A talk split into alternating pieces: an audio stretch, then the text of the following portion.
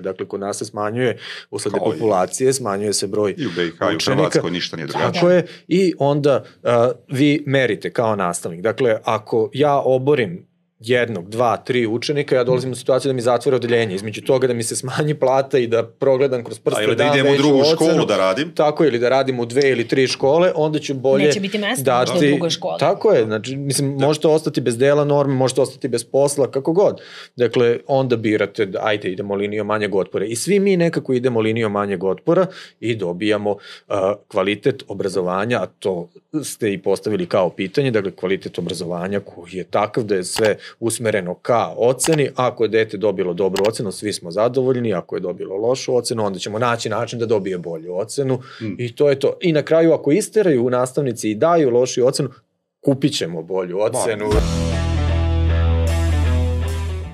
A, dobro večer i dobrodošli u ono izdanje besjeda u kojem uvijek imamo više gostiju nego voditelja.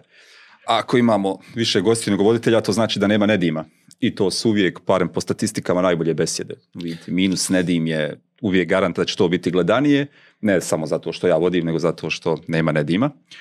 Pozdravljamo Nedima gdje god da je na bilo kom ovaj, mjestu, ali vjerovatno neće ovo ni gledati, tako da u biti ne zna šta smo pričali u kom trenutku.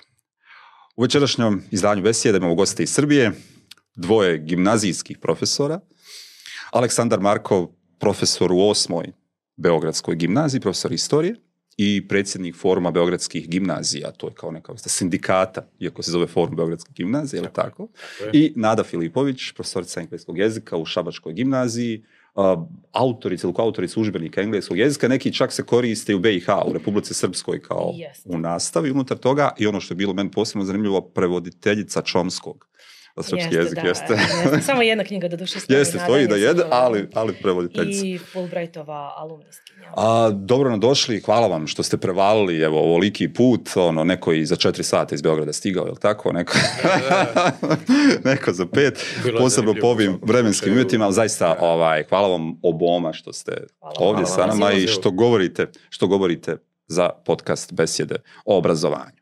Krenut ćemo sa vrlo ozbiljnim temama, nećemo ove neozbiljne teme, obrazovanje je uvijek ozbiljna tema, tamo se niko ne smije, tamo su svi tako vrlo ozbiljni, strogi i sve ostalo. Dakle, kako je to biti profesor u gimnaziji u Srbiji? Nado. Ladies first. Dobro.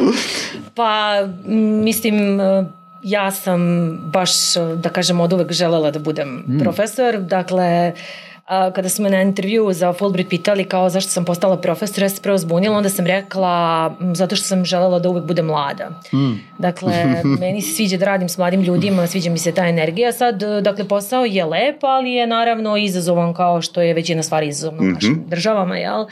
Dakle, uh, jednostavno ta energija koju ta deca posjeduju i ta mm. mladost i eto ja nekako sebe kad uporedim sa, ne bih sad naravno da pocenjujem, ali recimo sa lekarima, iako oni rade jedan vrlo human posao, ali nekako da ste okruženi svaki dan s bolesnim ljudima, mm. da ste okruženi svaki dan sa veselim, mladim, nasmejanim, meni je nekako ovo drugo mnogo, mnogo lepše ali naravno postoje i neke druge, dakle, prvo dobra vest pa loša vest. To čekam dakle, kada će biti težak status profesora. dakle, znači, a, dakle, posao kao posao je dakle, lep i kreativan, znači, stalno bez obzira da li vi predajete isto gradivo, to je opet iznova, iznova, iz novih mm -hmm. uglova sa nekom drugom decom.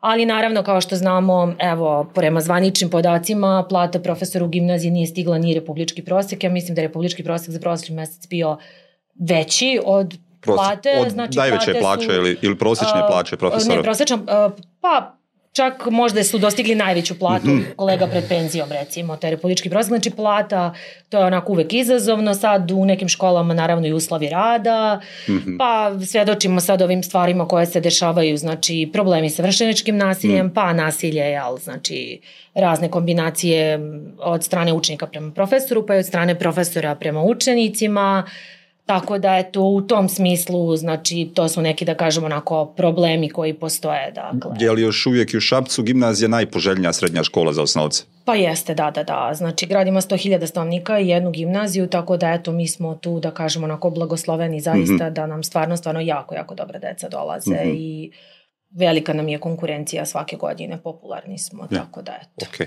U Beogradu ima više od jedne gimnazije. Da, u, u Beogradu ne znamo koliko ima gimnazije, ne, na dnevnom nivou se javljaju neke privatne Aha, gimnazije, to? tako da onda se one i ugase, ali činjenica je da učenici koji ne uspeju da završe državnu ili koji ostanu za popravni ili, ne daj Bože, da ponavljaju. Oni uvijek se, imaju rješenje. Oni imaju rješenje, uvijek je spremno rješenje. Ako se godina, školska godina, odnosno drugo polugodište završava 20. juna, oni 19. juna se ispišu iz državne i završe tamo maltene sa svim peticama. Mhm. Dobro, ima možda jedna dobra srednja, jedna Privatna. dobra privatna gimnazija, mm. da je ne reklamiramo.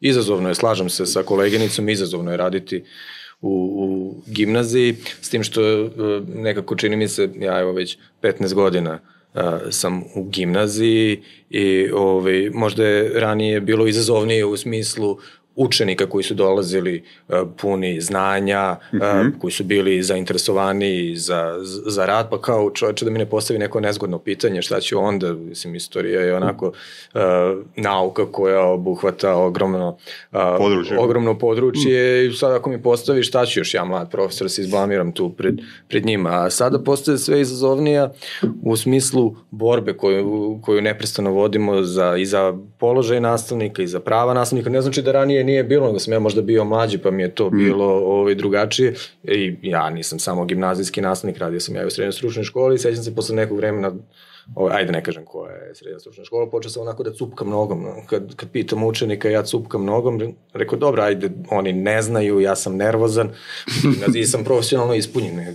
Problem je što u poslednje vreme i u gimnaziji sad sam počeo mm. nešto nogom, tako da, ovaj, ne znam šta ćemo i kako ćemo dalje. Plata mala, to, mislim, toga smo svi svesni. Baš, evo, na putu do Sarajeva putovali smo... Sati, da, sati? Da, probijali smo se kroz, smetu, kroz smetove, malo te neko igmanski marš. Ove, smo baš koleginica i ja komentarisali.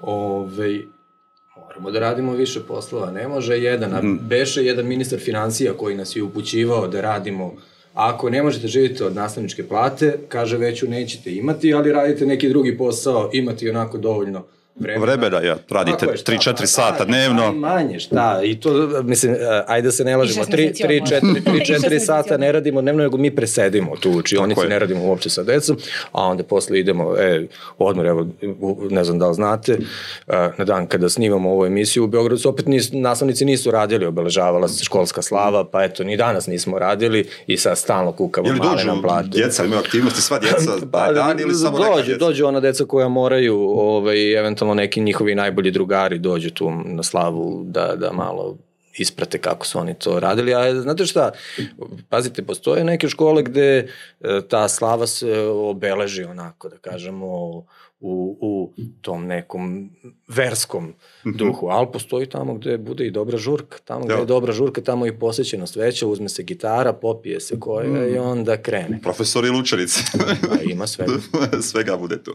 A, šta se može zaključiti, evo, kao iz pozicije gimnazijskog profesora o školovanju u Srbiji ili obrazovnom sistemu u Srbiji. Dakle, ono, to jeste, ja razumijem da gimnazije kao i vjerovatno i u BiH i u Hrvatskoj su škole koje, koje dolaze m, najbolje ocenjena djeca iz, iz osnovnih škola, evo da tako kažem.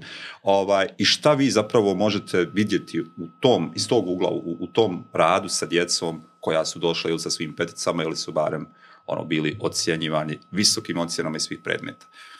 Hm? Da, da, da. Pa evo ovako, znači prvo da krenemo od tog obrazovanja, dakle mi svedočimo naravno da društvo u kome mi živimo ne favorizuje baš obrazovane ljude, uh mhm. -huh. dakle to naravno vide i deca i njihovi roditelji, bez obzira koliko se to, da kažemo onako, nekada pominje i na televiziji i u novinama, zapravo obrazovanje nije cenjeno jer mi to možemo videti da na nekim visokim funkcijama u našoj zemlji uopšte ne sede najbolji stručnjaci mm -hmm. mislim čak uopšte i ne sede stručnjaci, dakle može da se desi da vi uopšte niste završili fakultet i dobijete neku jako dobru i visoku poziciju. Znači i deca to sve naravno vide, deca vide da njihovi roditelji sa fakultetima rade za male plate ili recimo ne mogu da nađe uopšte posao ili planiraju da idu u Nemačku da voze kamion ili da čiste mm. ili tako nešto. Onda je u takvom kontekstu jako teško motivisati decu i da im kažete jel, obrazovanje je bitno. Mislim, ono jeste bitno u mnogim zemljama. Evo, ja sam nedavno, kažem, bila Fulbright stipendista u Americi, što je potpuno drugačija klima, jel? Koliko se obrazovanje tamo više ceni i koliko su vam mnogo bolje perspektive kada završite, znači, određene profile. Tako da u tom smislu mi sad ovde, kolega jel reče, ovaj, u borbi smo sa decom, znači ubeđujemo ih dakle da je to bitno i sad ta borba je sve teže i teže iz godine u godinu. Mm -hmm. Dakle, da ih mi sad ubedimo da će jednog dana, e sad to prosto u Beckett kod da je snimao kod nas, da je pravio, jel, dakle, svoju čuvenu dramu, jer to je jedan Čekate dan. Čekate jedan dan, Dakle, dugo. verujte, od kad sam se ja rodila, ja taj dan čekam. Dakle, da ćemo sačekati taj neki trenutak, kad ćemo biti, dakle, kada će se to obrazovanje vrednovati. Znači, to je jedan od izazovnijih stvari. A onda drugo pitanje koje ste postavili, dakle, mislim da je u provincijama možda malo bolja varijanta nego u Beogradu, zato što oni zaista imaju, kao što kolega reče, puno gimnazije, puno privatnih gimnazija. E sad, kod nas zaista ta deca, mislim da imamo, da kažem, bolji učenici mm -hmm. dolaze, jer nemaju, dakle, alternativu, mi nemamo privatnu gimnaziju u gradu. Dakle, prva privatna je znači Beograd ili Novi Sad, što je neki sat vremena vožnje. Mm -hmm. Dakle, sada, recimo, meni se dešavalo, ja nisam nikad radila u osnovnoj školi, od uvek radim u gimnaziji od kad sam počela, pre 18 godina. Dakle, dešava mi se sada da taj inicijalni test koji dam učenicima u prvoj godini, koji je onako i obavezan, a i želim da se upoznam, da vidim šta oni mhm. znaju, e onda se desi recimo da deca predaju čak i prazan test ili da urade samo par neke stvari, iako ja onako se trudim da to napravim da ne budete prvi susret sa školom Najstrašniji mogući, ono, profesorka dakle, koja ja, ispituje, ipak, ocjenjuje na prvom da, času. Da, nego onako čisto malo se upoznamo i onda ja kad pitam učenika šta ima u osnovnoj školi, onda on meni kaže da, ili ona, da ima peticu. I onda je to u fazonu, da li je to zaista tako? Um, tako da mislim da, uh, s obzirom da u osnovnoj školi, koliko ja znam, ne može da se ponavlja, dakle u Srbiji mislim da oni ne mogu da ponavljaju. Ne, ne mogu, mogu, mogu. Mogu, jel? Dakle, ali u ne principu... mogu u nižim razredima, ne mogu u nižim razredima, ali se nekako taj trend, da, taj trend nekako čini mi se da u osnovnim školama, uh, mislim da je generalno kod nas u državi malo stav brigo moja pređe na drugoga. Mhm. Dakle, i onda čini mi se da je osnovna škola malo, po, pošto su pritisci roditelja, uh, dakle, ogromni, roditelji su to je trend, mislim vidim i regionalni, prilično zainteresovani samo za ocene. Dakle, ne toliko za znanje, ne kažem svi roditelji naravno, ali taj trend je jednostavno da deca imaju što bolje ocene i onda u tom trendu čini mi se da kolege u osnovnim školama popuštaju po tim pritiskom. Ako uzmemo sve ovo što je kolega. -huh. Markov rekao, znači da ljudi imaju i male plate i lične probleme, da je iza nas bila pandemija, da smo mi stalno u nekoj tranziciji, mhm. da se bore sa ličnom egzistencijom i onda verovatno jako je to teško, razumete, u takvom jednom, da kažem, disonantnom kontekstu društva, ubeđivati mm. decu da uče, onda joj, ba daj mu dam ocenu, pogotovo ako je pritisak roditelja veliki, ma piši mu tu neku... Ko će opravdavati da, da, sve šta je radio? I onda to nastane problem, dakle kada dođe u gimnaziju sa našim gradivom, ali uopšte znači onda je tu tek haos od strane roditelja kako sad, što je da kažem i opravdano pitanje, jer mislim ako je dete imalo peticu, a sad jedinicu, tu znači nešto nije u redu ili sa mnom ili s nastavnicom ili s detetom, a zapravo sistem. Tako. Tako da eto, to je, to je generalno problem. Je li još znači, uvijek, o, je li i u Srbiji ocjena glavni faktor za upis u srednju školu ili postoji i matura, je li tako? Postoji. postoji. Dakle, mi, mi u Srbiji već duže vreme pričamo o državnoj maturi kada je reč o upisu na fakultete i uvodimo je već evo, dobrih deseta, možda i, i, i duže od deset godina. Dakle, ali ocena je i dalje jako bitan faktor. Dakle, kada upisuju srednje škole, dakle, uh, oni prilikom polaganja prijemnog ispita, odnosno to je ta mala matura, dakle, kada se završava osnovna škola, da bi upisali srednju, oni polažu malu maturu i uh, veći broj poena dolazi uh, sa od ocena. Manji broj poena dolazi sa ispita. Kada se upisuje fakultet, Obrnuto. to još ne znamo kako će izgledati, ali što se tiče prijemnog ispita, obrnuto je. Dakle, više nosi test, a manje, manje nose ocene. E sad, mi u poslednje vreme, baš što se foruma Beogradske gimnazije tiče, podržavali smo tu ideju uvođenja državne mature iz prostog razloga što smatramo da bi ona doprinela većem kvalitetu. Većem kvalitetu u smislu što bi prvo škole dobile povratnu informaciju kako rade, dakle, u Beogradu su recimo popularne škole koje se nalaze u centru grada. Uh, I da biste upisali neku školu, neku gimnaziju u centru grada, uh, potrebno je da imate preko 93-4 poena, često, Od često i više. Od Sto. maksimalnih 100. Sto. O, kada je reč o školama poput, poput moje škole u kojoj ja radim, dakle osme Beogradske gimnazije koja je opet malo udaljenije od centra ili neki koje su još udaljenije, tu vam je potrebno između 85 i 86. A, ali način rada u tim gimnazijama je često isti.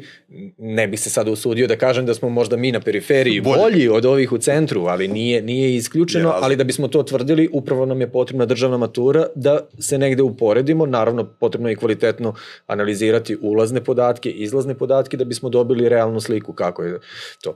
Takođe, nadamo se da bi državna matura pomogla uh, i roditeljima i deci da shvate da uh, ocena nije jedina bitna stvar, jer kao što je koleginica rekla, kod nas je sve postavljeno u odnosu na ocenu. Dakle, mogu imati sve petice, svi će biti zadovoljni. Ukoliko imate a, ocenu koja je niža od petice, ne daj Bože da date učeniku jedinicu ili dvojku, pa tu onda Pa i nastaje... trojka je već diskutabilna. Da, tu, tu onda nastaje već ozbiljan problem od slanja inspekcija a, preko pritisaka koji dolaze od direktora i to je još dobro kada, kada roditelji vrše pritisak na direktora, direktora na nastavnik, tu još možete nekako da se izmigoljite Da, i da, da, da, da. ali kad vam pošalju inspekcije, onda inspekcija poništava ocene i tako dalje i tako dalje. Tako da, iz proceduralnih razloga da nešto nije kako treba. Pa vidite, a, proceduralni razlozi bi mogli biti i, evo recimo popravni ispit se organizuje u avgustu za učenike koji su imali nedovoljnu ocenu. Ocena sa učenik izađe na popravni ispit, ne zna ništa, dobije jedan, ali je ispit kasnio, nije počeo kako je najavljeno u tačno vreme, nego zbog većeg broja ispita kasnio je duže od 15 minuta, to je proceduralan razlog da poništite ocenu. Dakle, naprosto različiti su razlozi i uvek se može pronaći a, razlog. Na kraju krajeva često opravdanje je da je dete tog dana bilo indisponirano ili je možda bilo bolesno ili se nije osjećalo dobro i to su često razlozi koji vode ka poništavanju ocene. Takođe, u, u srednjim stručnim školama situacija je još grđa, što bi se reklo, nego što je to slučaj u gimnazijama. Ja mislim da tamo više... E, e, vi ste rekli malo pre da u osnovnoj školi nema ponavljanja. Zapravo zakonski je moguće da učenik ponavlja, ali u praksi se to ne dešava. Ne dešava. Tako i u srednjim stručnim školama. Ali tu se nadovezujemo na još jedan problem, a to je broj učenika. Dakle, kod nas se smanjuje usled populacije, smanjuje se broj I u BiH i u učenika. Hrvatskoj ništa nije drugačije. Tako je. I onda uh, vi merite kao nastavnik. Dakle, ako ja oborim jednog, dva, tri učenika, ja dolazim u situaciju da mi zatvore odeljenje. Između toga da mi se smanji plata i da progledam kroz prste A ili da dam idem u drugu ocenu. školu da radim. Tako, ili da radim u dve ili tri škole, onda ću bolje Neće biti mesta možda u drugoj školi. Tako je, znači, mislim, da. možete ostati bez dela norme, možete ostati bez posla, kako god. Dakle, onda birate, da, ajde, idemo linijom manjeg otpora. I svi mi nekako idemo linijom manjeg otpora i dobijamo uh, kvalitet obrazovanja, a to ste i postavili kao pitanje, dakle, kvalitet obrazovanja koji je takav da je sve usmereno ka oceni. Ako je dete dobilo dobru ocenu, svi smo zadovoljni, ako je dobilo lošu ocenu, onda ćemo naći način da dobije bolju ocenu Mm. i to je to. I na kraju, ako isteraju u nastavnici i daju lošiju ocenu, kupit ćemo bolju ocenu. Ma, naravno, i ili imamo... kupit diplomu, ne moramo ni ocene da ćemo, kupimo. pa da, pa šta, A, da je malo kupimo. Dvije me stvari zanimaju Ja ovo sam čemu. samo, ja se. izvinjam, htela da dodam kada je kolega rekao da se ocena može oboriti iz proceduralnih, čak i kada su sve procedure. Mi smo imali situacije da baš vodimo računa, da je ispit počne na vreme, da je pečat na svakoj cedulji. Znači, apsolutno sve da bude Pečat legi jako artis. bitan. Da, pečat je jako bitan.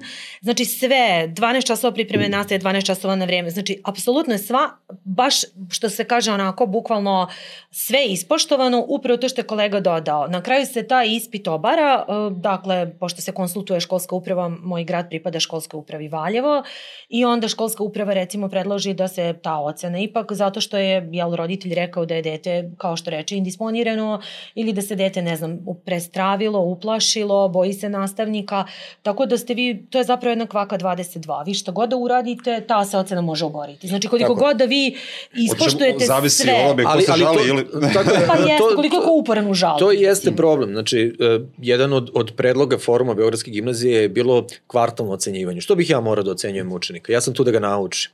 Ajde, imamo razne zavode, uh, razne ljude koji su stručni za to da naprave dobar test. Je. Znači napravite dobar test, dajte kvartalno ocenjivanje i nema ocenjivanja u toku školske godine, dakle da uzmemo neke sisteme koji već postoje, ne moramo mi da izmišljamo toplu vodu. Naravno onda dolazimo do drugog problema, da li ćemo to dovoljno kvalitetno realizovati i pustiti učenike da prepisuju? Pa hoćemo naravno. a, mislim da, da u tim sistemima nije baš da se, a, takav sistem je u Švedskoj, isticim okolnosti jedna koleginica kod nas mhm. je živela i radila u Švedskoj pa je došla u Srbiju, zaljubila se u ljubavi je uvek dobar razgovor.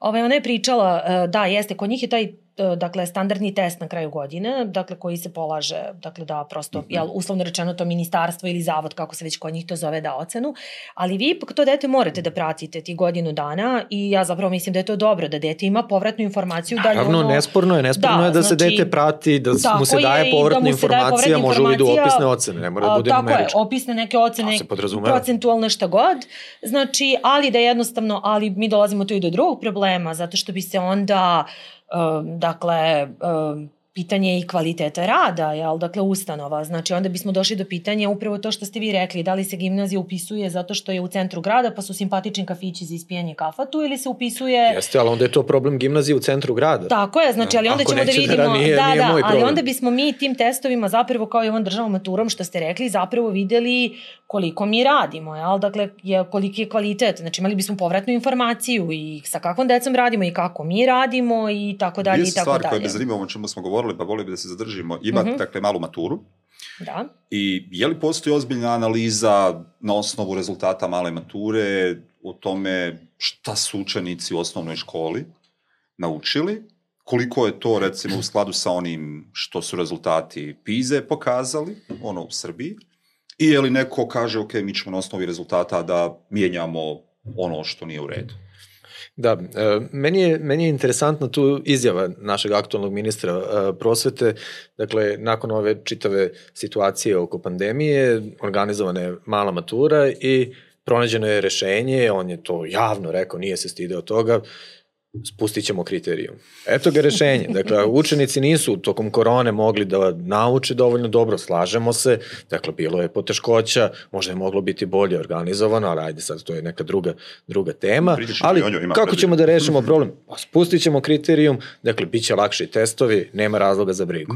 A, takođe, s obzirom da sam često u kontaktu sa novinarima, postoje dva do tri novinara ovaj, u, u, u Srbiji koja prati isključivo obrazovanje ovaj, a, sa jednom od uh, novinarki sa kojom sam često u kontaktu, sam baš razgovarao i kako ona dolazi do informacija, kakve su povratne informacije u smislu uh, da li je urađena neka analiza tih Obično je to u nekom narativu u dve do tri rečenice. Tako da Sa možda prosekom, statistikom. Tako je. Možda se i uradi neka analiza, ali ona ne bude dostupna onako, tako je, i, e, i, i ne, dobe, ne bude dostupna široj javnosti. Ali nije uopšte pojenta u tome da li se uradi analiza. Naravno da je potrebno uraditi analizu, ali šta kada dobijemo te rezultate? Da, to je šta ćemo onda da uradimo? Dobro, mi imamo to, da li ćemo da rešimo taj problem ili ćemo za sledeću godinu da smislimo da spustimo još malo kriterijum. Ili, evo, ne znam da li, da li e, je to ovde ispraćeno, mnogo povike je bilo na kombinovani test. Dakle, tu je nekih 5-6 predmeta koje učenici polažu, poput istorije, geografije, he, geografije hemije. Koji je ove, broj pitanja? Koliko... Broj pitanja je na testu 20, ako se ne varam, i manje više su to pitanja zatvorenog tipa. Dakle, uglavnom je na zaokruživanje. Mm, Tako je. Ove, uh, I sad dosta, dosta se roditelji žali da je to naporno pripremiti ovaj, i evo pronađeno je rešenje od ove školske godine Nema, učenici i ne, imaju, ali mogu da izaberu. Ne moraju sve da uče, ali će birati i to je onako naprasno preko noći odlučeno, bez ikakve analize, šta se dobi šta se kao što je i uveden taj kombinovani test odjednom, tako je sada sklonjen. i sklonjen, ostalo ostalo je to da izaberu taj jedan predmet koji će polagati Evo sada je glavno pitanje da li će biti štampane zbirke za svaki predmet posebno ili ne. Na kraju je zaključak da neće biti štampane, ajde možete da učite iz onih starih. Dakle, u, u jednu zbirku iz koje se učenici pripremaju za tu malu maturu će staviti nekoliko predmeta i to je sad glavno pitanje. Dakle, niko više ne postavlja pitanje, pa dobro, da li je ok što smo mi to tako sada preko noći izbacili sve to. Mm -hmm. Koji je bio smisao? Zašto smo uveli uopšte? Šta je bio cilj? Zbog čega je uvedeno? To, to, to pitanje se ne postavlja To potpuno znabe, ono je da. situacija i BiH je obrazovni sistem je čudo, ali ovaj, recimo um, u Federaciji BiH kantoni su u potpunosti nadležnosti, dakle obrazovanja od predškolskog do univerziteta i recimo kanton Sarajevo se već 2013. godine kao provodi ta eksterna matura za učenike na kraju devetog razreda, kraju godišnje škole. Isto je bilo pitanje, prvo su bila tri glavna predmeta, ono, bosanski matematika, engleski, Pa su onda rekli, ok, ne može samo to, nek djeca biraju još nešto, pa su rekli, ovo previše, pa ćemo to da spustimo, pa su rekli, op, skupo je da to radimo.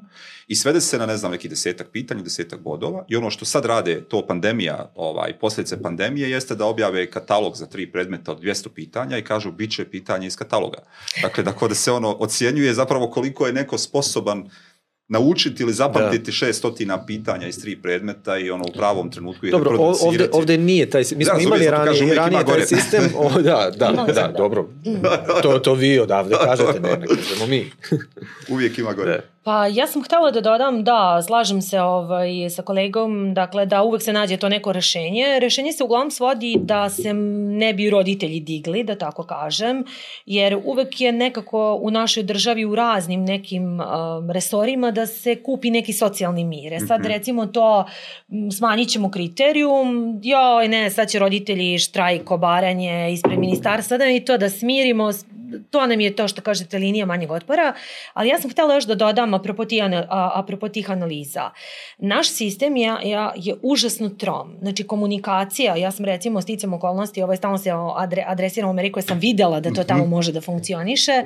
Dakle, kod nas je ta komunikacija, verovatno će se kolega složiti, samo potpuno, uh, dakle, skoro i nepostojeća i ako je postojeća, ona je samo u vidu neki dopis. Znači vi samo osvane neki mail iz nekog ministarstva ili iz zavoda, znači nema prave komunikacije, razumete? Stigne uveče da se sprovede ujutru. Da, da, da, da, i, ne, i za juče. I za juče, sve, sve juče, isto, da. sve je poznato. Znači, on je uopšte, recimo, Zavod za vrednovanje kvaliteta i obrazovanja, Zavod za unapređivanje vaspitanja, ali čuvene skraćenice ZUOV, ZVKV ili kako već, znači, oni zapravo uopšte ne komuniciraju sa nastavnicima. Oni tako, sad recimo konkretno za engleski jezik, poslali su neki dopis kao evo su standardi i napišite vaše mišljenje. Ali ja se pitam da li iko čita mišljenje tog aktiva profesora iz Šabačke gimnazije. Mi nikad nismo dobili da, na osnovu usvojili smo, nismo usvojili, ovo je okej. Okay. Stiglo je toliko tako. mišljenja. Znači, jako je taj sistem trom i, kažem, nema komunikacije.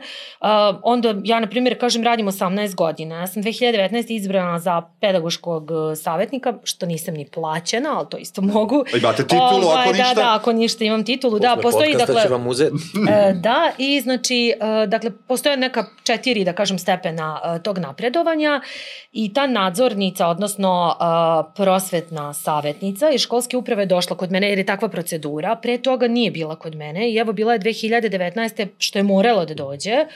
Eh, oni, znači njihov naziv je prosvetni savetnik, znači oni bi trebalo nas da savetuju, ali dakle u nekim ozbiljnijim državama, dakle ministarstvo komunicira sa nastavnicima, savetuje ih, dolazi, rešava probleme na časovima i upravo to što je kolega da, rekao, okay. da, da vidimo tu analizu male mature, da vidimo gde škripi, zašto smo spustili kriterijum, gde su nam slabe tačke, ne, ne, ne, ne, ne, to se sve uglavnom svodi na nekakve dopise i uh, jako čudno praćenje strategija, kako koji ministar dođe, kolega je malo upućeniji od mene pa bolje to prati i zna, idemo strategije 1, pa se promeni ministar, nećemo mi više na tu stranu, mi ćemo sad na levu stranu da idemo. Mi u stvari uopšte ne znamo kud idemo. Da sad citiram, mislim, iz Alise u zemlji čuda, vi ako ne znate kojim putem idete, vi svugde stižete, jel? Mislim, jer vi ne znate ni gde ste krenuli.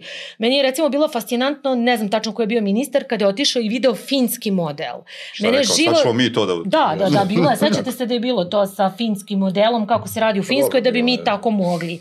A to Provuče je... se i sad, Da, ali, ali to je toliko, svako ko je jole pročitao nešto o finskom modelu, to je eon od nas. To uopšte, mislim, da ne pričamo, znači, mislim, kako je to školski sistem potpuno drugačije uređen, ali uređena država i vrtić i sve živo, mislim. I uređivar je Mnogo decenija je, nije je. jučer. Ali mislim, nije mi uopšte jasno, oni kao da bace neku čiodicu na kartu. Ja vidi, Finska, može, može. Mislim, oni su pročitali da su ti đaci jako uspešni i kao, Jesu. e, super, mi ćemo to. A sad što smo mi na začelju, mislim, to nema veze, ali hoćemo odmah na prvo mesto, nemamo te korake između.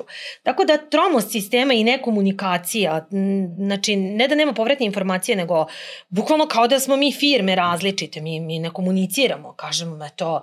I da, i uvek i ako taj prosvetni savjetnik treba da dođe, to je kao nazovimo inspekcija, i joj, nemoj bolje da ne dolaze, kao šta će nam i tako. Mislim, ili eksterna inspekcija koja dođe, pošalje neke zabeleške, onda je nema 10 godina. A se obrazna škola na šminka onda se. Da, da, da, da, da, TikTok, da, da. svaki papir Najava mora bude, da bude. na svom mestu. Nema. A, u biti, suštinski kao i ovdje, dakle mi se vrlo lako lažemo u čitavom ovom sistemu, to što mi radimo, to kako I jako nam lepo kad se Je, i super, da niko nam ništa ne kaže, što nam smeta, ili ako nam kaže, znamo kako ćemo se izvući iz toga. I jedan je dakle bio prvo jedno pitanje, rekao sam dvije stvari veze ribe, jedno je ovo bilo sa analizom za eksternu maturu, a zapravo drugi uh, problem je, ili, ili druga stvar o kojoj treba pričati, zapravo kako mi ocjenjujemo. Uh, koji su to ono standardi koji mi gledamo? Jel mi se slažemo, ne znam, jel profesori istorije svih beogradskih gimnazija znaju kako ocjenjuju, šta ocjenjuju, šta treba ili profesori engleskog, ono, ostalom. Dakle, je li ocjenjivanje ono, u Srbiji uređeno tako da zaista ako profesor Markov da iz istorije tri, ako dijete ode kod drugog profesora u devetu gimnaziju, recimo da će to biti ta trica, to je ono što se očekuje i taj profesor isto. Možda bude i peta, može i jedan, tako da je to najbolje. Doduše, mi imamo sada ishode ka, ka kojima težimo i zapravo... I standarde, i standarde standarde, kolega. I standarde kolega. I, i standarde, sam. ishode, I standarde, ovaj, i e, ideje da učenik na kraju ispuni ishode, mora i standarde da ispuni. Da, da, da. E, Koji su ishode is- nastali od da. ishoda. Tako je. Ove, i, uh, I onda je ocena u toj priči potpuno irelevantna. Dakle, taj državna matura bi mogla da pokaže ispunjenost. Jesu li učenici A da li isto ocenjujemo, da li su nam isti kriterijumi? Sigurno da nisu. Dakle, Mhm. a, sigurno da nisu ni na nivou Beograda, a, ni na nivou gradova, dakle, Ni na u- nivou u, u. Srbiji, pa U čak, školi. upravo, U upravo sam to htio da da. kažem, čak ni na nivou aktiva često se dešava da su ogromne razlike, mada traži se uglavnom da se usklade, ali nekada to naprosto, naprosto nije moguće. Tako da a, moja trojka bi možda u devetoj bila jedinica, a možda i petica, tako da, Da, da, da. morali bi da testiraju učenici, da, da prođu. Možda ne bi bilo loše da prođu tako kroz ne, nekoliko gimnazija pa da vide. Ja se izvjela, Rado, imam jed- jedan primjer prije, ne znam, neki 7-8, možda i više godina ovaj, u školi u kojoj trenutno isto radim. Dakle, kolegica, učiteljica koja je predavala u petom razredu, jer ovdje je peti razred je u smislu po zakonu može predavati ko hoće, mogu učitelj, mogu nastavnic, kako je bila ono s osmogodišnje na devetogodišnju, pa tamo gdje je tehnološki višak, onda se to usmjerava nebitno šta i kako se hoće. Uglavnom, učiteljica je predavala i onda je ona odlučila da vidi kako bismo mi, profesori maternjeg jezika, ocijenili pismene radove koje je ona ocijenila. I u biti nam je iskopirala nekog odjeljenja petog razreda i dala nama troma da mi to pogledamo i mi smo, mislim, osim jednog rada, nismo se složili ni u jednoj ocjeni. Dakle, od tih 18 ili 19 rada, dakle, ona je sad doslovno, nismo gledali šta kako ocjenjuje, Da, da. mi smo sve pregledali, doslovno mislim da smo se složili oko jednog rada da smo dali istu ocjenu sa nekim obrazlo. I čo je bilo različito obrazloženje zašto smo dali istu ocjenu. A ovo sve drugo bilo, dakle, da nismo se sve troje složili. A radimo istoj školi i ocjenjujemo djecu koja... Da, da, pa ja, jasno, jasno, ali to je, to je poenta i onih standardizovanih testova. Dakle, zašto, bi, zašto bismo morali mi u tom smislu da, da budemo, zašto sam ja pozvan da, da baš dobro i pravilno procenim i da ocenim. Šta je, šta je uopšte, šta znači 5, šta znači 4? Tako je, to je to, to je to. Ajde, znači napravite, imate ljude koji su stručni za to, koji su kompetentni Šta i hajde da, da, da dakle, koji vidimo... stvari, da koji vidimo su elementi šta u svakom šta- predmetu. Mislim, propisano je pravilnikom o ocenjivanju. Ne daj Bože da primenimo pravilnik o ocenjivanju u praksi. Pa plašim se da učenici ne bi do dvojke dogurali. Da, Tako da, da, Zarebari se to. Pa dobro, ja bih vam e, samo ovde dodala da, e, dakle, jeste, tačno je to da e, čak ni u okviru jednog aktiva nekada, iako je to nešto što na čemu direktori uglavnom insistiraju i mi na sastancima prateći te standarde, ishode i tako redom. Ovaj, e sad i što se tiče tog pravilnika o ocenjivanju, plašim se da i neke naše kolege bi pale na tom pravilniku o ocenjivanju. Mhm. Zato što ja sam inače išla u školu u kojoj radim, tako da sam bila i sa ove i sa one Mm. strane. ja. Ovaj, eto.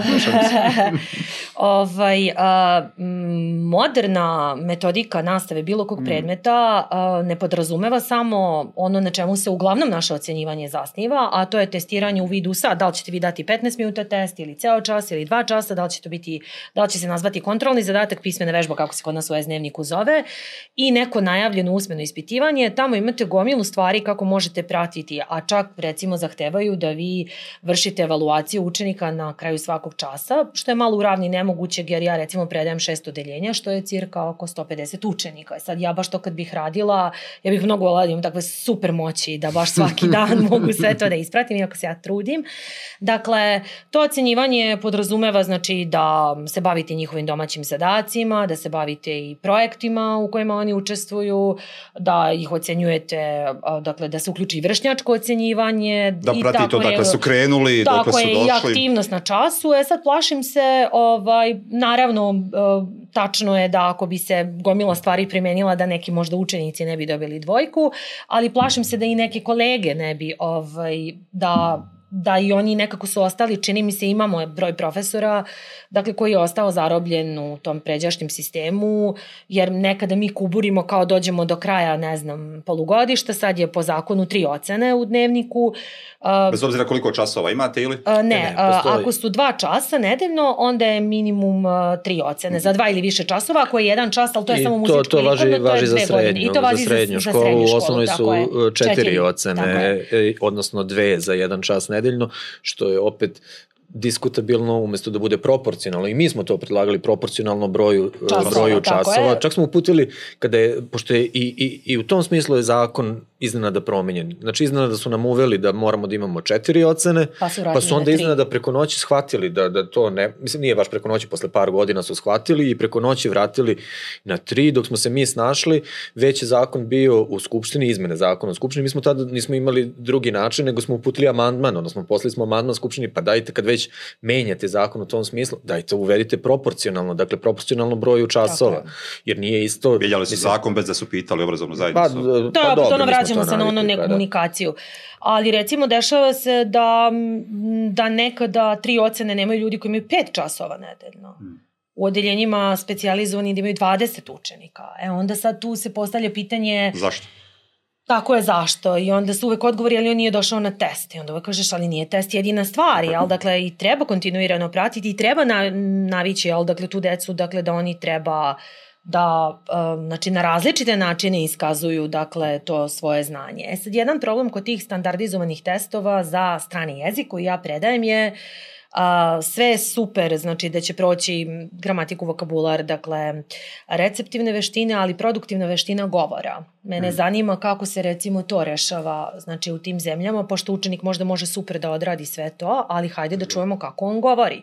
E sada kako bi se obrazovale te komisije da ispitaju jednu generaciju od ne znam 200 đaka koji polažu engleski na državnoj maturi pa da se još usaglase kriterijume to bi bilo zanimljivo. Recimo to je znači uvek imate nešto što jel, ili kako se ocenjuje, ne znam, muzičko, fizičko, da li su tu bitno, da li znaju da pevaju, odnosno fizičko, jel, dakle, kako bi bio taj standardni test iz fizičkog, ono, gimnastika, preskoči kozlić, dvokorak, mislim, kako bi Je, to koliko bi izgledalo. vas neko tjelesne sposobnosti da dostigli standarde.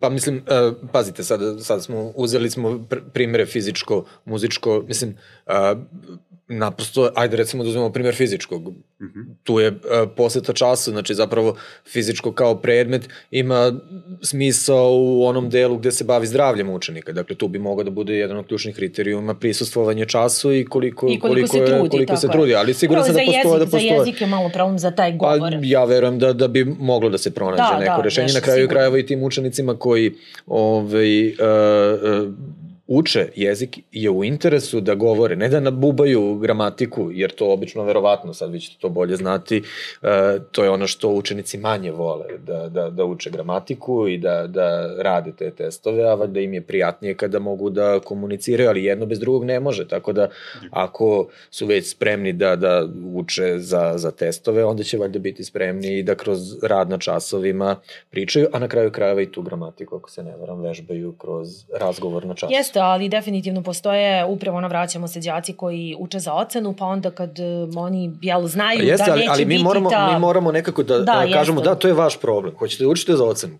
To je vaš problem. Mene ne zanima što ćete vi, vi nećete biti uspešni u životu ako učite za ocenu i što se pre osvestite da je to pogrešan način, to je bolje za vas. Ako se ne osvestite, to je vaš problem. Pogotovo kada govorimo o srednjoškolcima, to su već mislim, skoro odrasli ljudi, tako da moraju biti svesni uh, u šta ulaze, šta žele od svog života. Pro... Zapravo, mislim da je suštinski problem u tome što mi ne znamo još šta želimo od tog učenika. Dakle, kakav taj učenik treba da bude, koje veštine mora da ima. E, to je, mislim, ključan problem oko kojeg nikako da se dogovorimo. Kada bismo to znali, mislim da bi sve ostalo To lakše. otvara sa drugi problema. Ako smo sve dogovorili, onda jel nama zaista trebaju predmeti ovakvi kakvi jesu?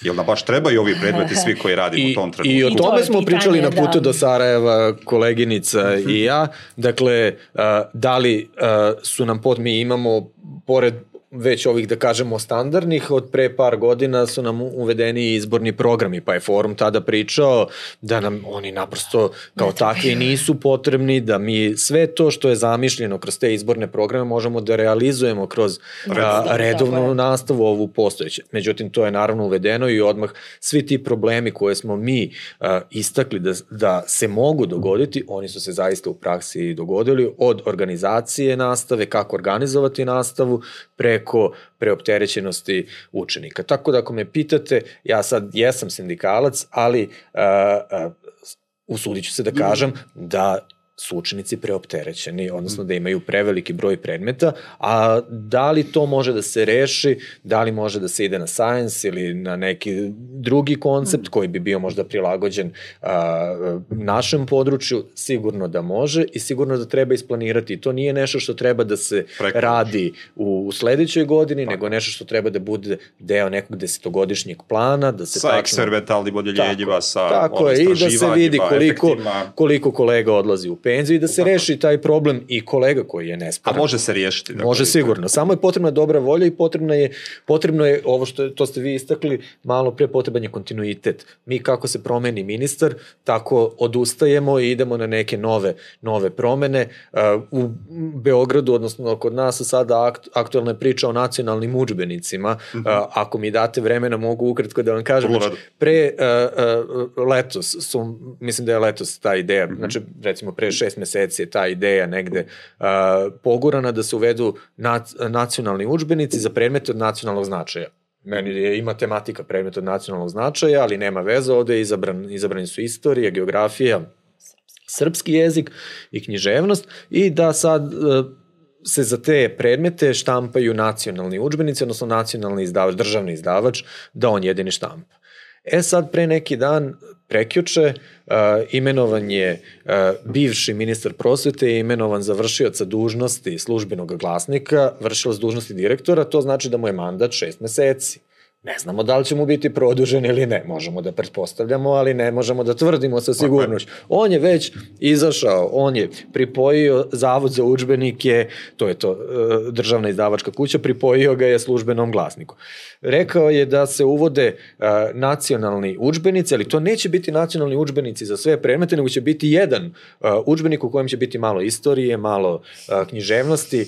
Taj, ti učbenici, ja sam ih nazvao nacionalne čitanke, neće, učenici iz njih neće biti ocenjivani, ali će nastavnici morati da rade po njima. I onda, pa dobro, jesmo letos pričali jedno. Jesmo.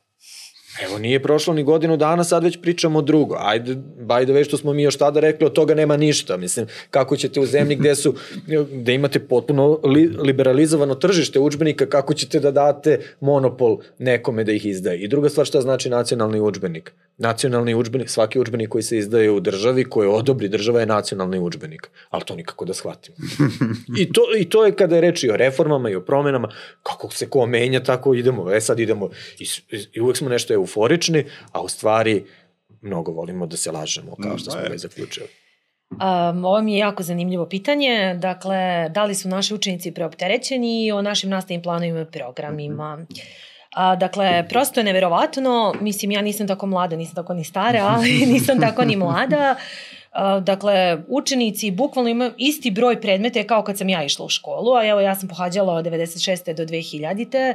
Znači već 23 godine, al 23. godina, znači suštinski se ništa nije promenilo. Čekajte, imaju više predmeta, imaju izborne programe. Da, evo sad imaju su, građansku sam, da, vjeronauku, mislim da to da, u vaše jeste, vreme znači, nije bilo. Da, nije bilo. Znači imaju te module koji su od pre par godina, ali od ovih, da kažem, glavnih predmeta, Znači, manje više isti broj časova, dakle, isti su smerovi, e, tako da te neke reforme koje su bile, ajde nazovimo ih šminkerske. Mm -hmm. Jedna od tih šminkerski, ali to bila loša šminka, je recimo bila reforma uh, prvog stranog jezika. Engleski uglavnom prvi strani jezik ne mora nužno da bude, ali u većini slučajeva.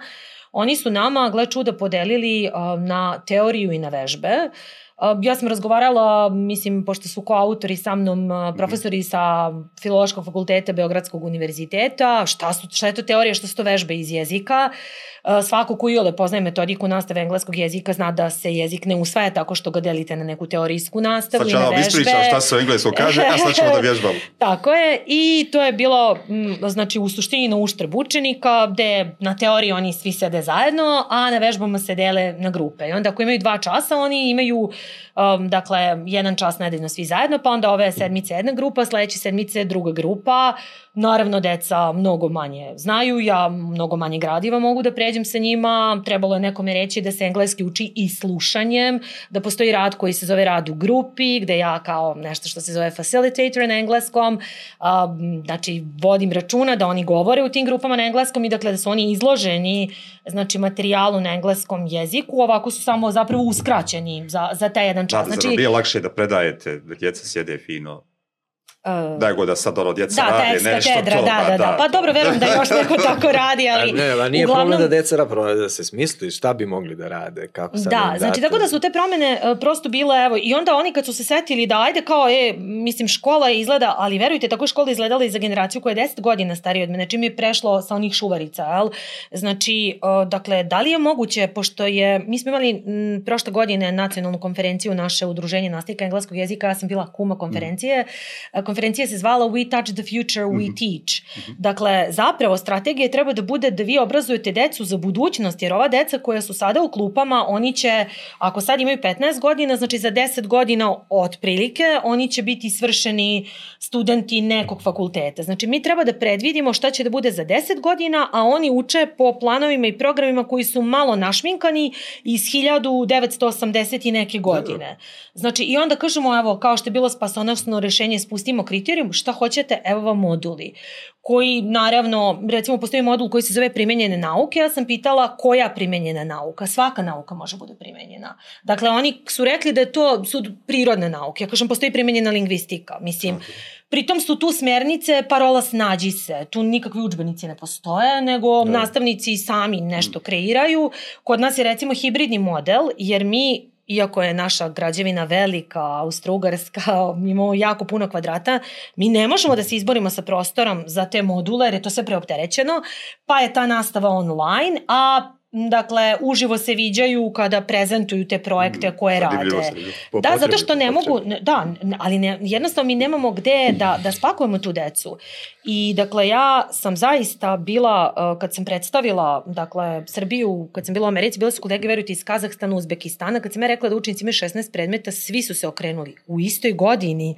Dakle, oni su zaista preopterećeni i postavlja se pitanje, ali slažem se da su problem uh, Ako vi napravite oštre rez, jel, dakle, šta ćete da radite s tim ljudima? Tako. Ali, naravno, sa dobrom strategijom koju opet se vraćamo, mi nemamo, bismo računali koliko kolega ide u penziju, pa da onda možda, jel, dakle, se nešto poveća broj, nekog časa smanji, možda neki administrativni poslovi da se nekome daju, jer administracija zaista ima sve više i više dakle, ili ovi timovi koji postoje i tako. Znači, sigurno neko rešenje postoji, da sada ti ljudi ne ostanu, tako. naravno, na ulici, a da opet ova škola bude škola za 21. vek, a ne u 21. veku, zamislite vi sad, mislim, idete na kurs za Jorganđiju. Nemam ništa protiv ako neko želi iz hobija, ali gde će taj čovek sutra na tržištu nađe tako. posao, mislim. Realno. Da, mada e, ja mislim da je, da, da je malo problem što mi mnogo kukamo nekako, a e, nismo baš spremni onako proaktivno da delujemo i da uh, unapred kažemo, e, nemojte to da nam radite, ali ne da kaže pojedinac, ne sad, evo nas dvoje gostujemo Da, da, ovde i da, veći broj. nego dajte da, da vidimo šta nas muči. Kažem, Forum Beogradske gimnazije kada je sagledao, pažljivo smo, to je Šarčevićeva reforma, tako je zovemo, po ministru koji je, koji je uveo, odmah smo rekli da je prosto nesprovodivo u praksi, odnosno jako teško da će doneti brojne probleme ni roditelji, ni kolege, niko se nije nešto mnogo potresao oko toga šta smo mi pričali.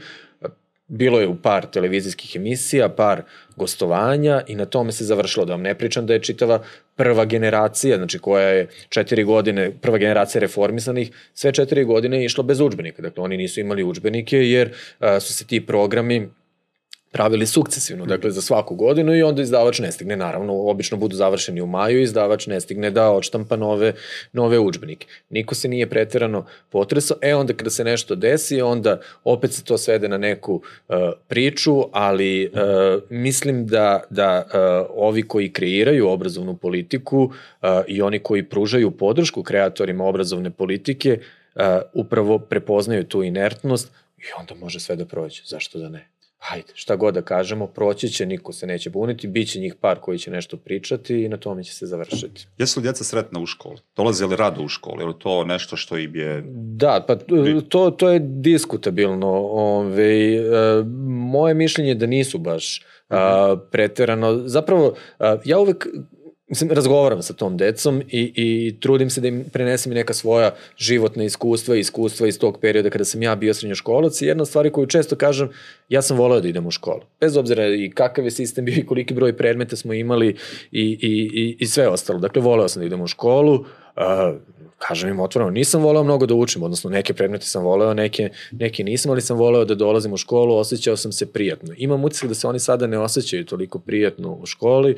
A, jedan možda od razloga a, nije samo preobimnost gradiva, nego prosto što deca više a, nisu toliko u, u pogledu tog druženja vezani za školu. Mi smo nekako bili vezani za školu i družili smo se u školi, posle odlazio je svako gde je stigao i u skladu sa svojim obavezama. Oni su danas povezani na drugi način i to bi mogao biti jedan, jedan od razloga. Kada, ako me pitate da li su zadovoljni brojem predmeta, obimom gradiva, programima, da li smatraju da im je potrebno to što uče? Ne. Dakle, mm. oni misle da, da su i tekako preopterećeni, da uče veliki broj bespotrebnih stvari koje ne mogu da primene u praksi i mogu delimično da se složim tu sa njima, da ove, su zaista, zaista opterećeni. Gledam, e, moje dete je drugi razred osnovne škole i otprilike gledam i, i taj nivo opterećenosti e, na nivou tih nižih razreda i mogu se to. složiti da to je to i mislim se ja i ne znam šta te čeka. Dolazi sve gore i gore. Nada. Pa da, deca uglavnom nisu zadovoljna, um, dakle, kao što je kolega rekao, dakle, smatraju jel, da su preopterećeni, da uče mnogo stvari, s tim što, naravno, ja bih to malo ostavila sa zadrškom, zato što oni nisu baš u tom periodu da oni baš mogu da procene šta je njima, mm, okay. šta će njima biti potrebno, šta im neće biti potrebno, mislim, jel mogu sad, uh, ja sa završenim fakultetom da kažem, e, ovo ljudi stvarno nije bitno, ovo je bitno. Nisu oni baš, da, da kažem, na tom nivou da mogu baš da razluče uh, šta bi, će to biti potrebno za život, šta ne, ali slažem se, to smo se i vratili, znači preveliki broj predmeta, um, znači preve, samim tim onda i previše informacija. E sad, u našoj školi ima dosta specializovanih smerova, recimo inform, informatički smer, pa imamo filološki smer, pa sad uvodimo ove godine audiovizualni smer i ta deca, oni prosto vole da dolaze u školu, tako su ta odeljenja, nekako njih je malo, oni su onako da kažem kompaktni, uh, imaju te neke dodatne... I bave se stvarima koje ih okružuju. Tako je, da. I, aktuelna je škola. Jeste, tako da, naravno, postoji broj dece koja ne vole, ali mislim da ja nisam stekla uh, mm. dakle takav utisak oni su onako šta znam i ima tu dakle i tog druženja i naravno i prvih ljubavi mm. i recimo za ekskurziju smo imali čo, pošto i to deo jel nastavnog plana i programa imali smo da omiljeni. Prvi put smo sad imali 100% učenika išlo na ekskurziju i četvrtog i trećeg razreda. Znači svi su išli. To ja mislim da to stvarno da da. To, to, to, to je neverovatno to smo se i mi iznenadili ali mo, da. moram malo da se nadovežem na ove specijalizovane programe, pošto ste ih uveli u priču, ne znam da, da li to postoji uh, kod vas, dakle u gimnazijama zajedno sa tom, sa, sa tom reformom uvedeni su i ti specializovani programi, pa sad imate gimnaziju, uh, odnosno uh, informatička odeljenja, da ih tako nazovemo, za talentovane učenike, pa onda imate te audio-vizualne, pa je onda imate ta, pa biologija i hemija, pa talentovane za istoriju. Dobro, mi generalno volimo da se hvalimo da smo talentovana nacija, ali pazite vi samo u Beogradu koliko gimnazija uh, imate što državnih, što privatnih i sad zamislite u svakoj od tih gimnazija po jedno, dva, a negde ima i više odeljenja za talentovane učenike, pa da li zaista imamo toliko talentovanih. Onda dalje možemo da otvorimo temu evo recimo specializovane odeljenja za IT. Uh, dakle, vi uvodite u gimnaziju uh, ta IT, te IT profile. Šta oni dobijaju kada izađu? Dobijaju neku gimnazijsku diplomu, oni uh, nije predviđeno da polažu istu državnu maturu, ako je uvedu i kada je, kada je uvedu. U stvari oni ne znaju, oni, oni tačno ne znaju šta će sa njima. On, tako je, oni, iz gimnaz, oni uh, završavaju gimnaziju bez jednog časa latinskog, imaju jedan strani jezik, dakle, uh, ne znam, neke bazične nauke koje se, koje se uče uh, tri ili četiri godine u klasičnim gimnazijskim odeljenjima, oni imaju to jednu godinu i na što to podsjeća? To podsjeća na srednje stručne škole. E sad, zašto to pričam? U Beogradu imate, ako se ne varam, pet ili šest elektrotehničkih škola. Jedna škola je izuzetno popularna, ona se nalazi u centru i ona uvek popuni odeljenja, donji prag za te neke popularnije profile je 80 poena i ide do 95-6. U ovim drugim školama uh, ne možete da popunite sva odeljenja, uh, Kogod se prijavi. Pra, tak, praktično može da se upiše kogod se prijavi.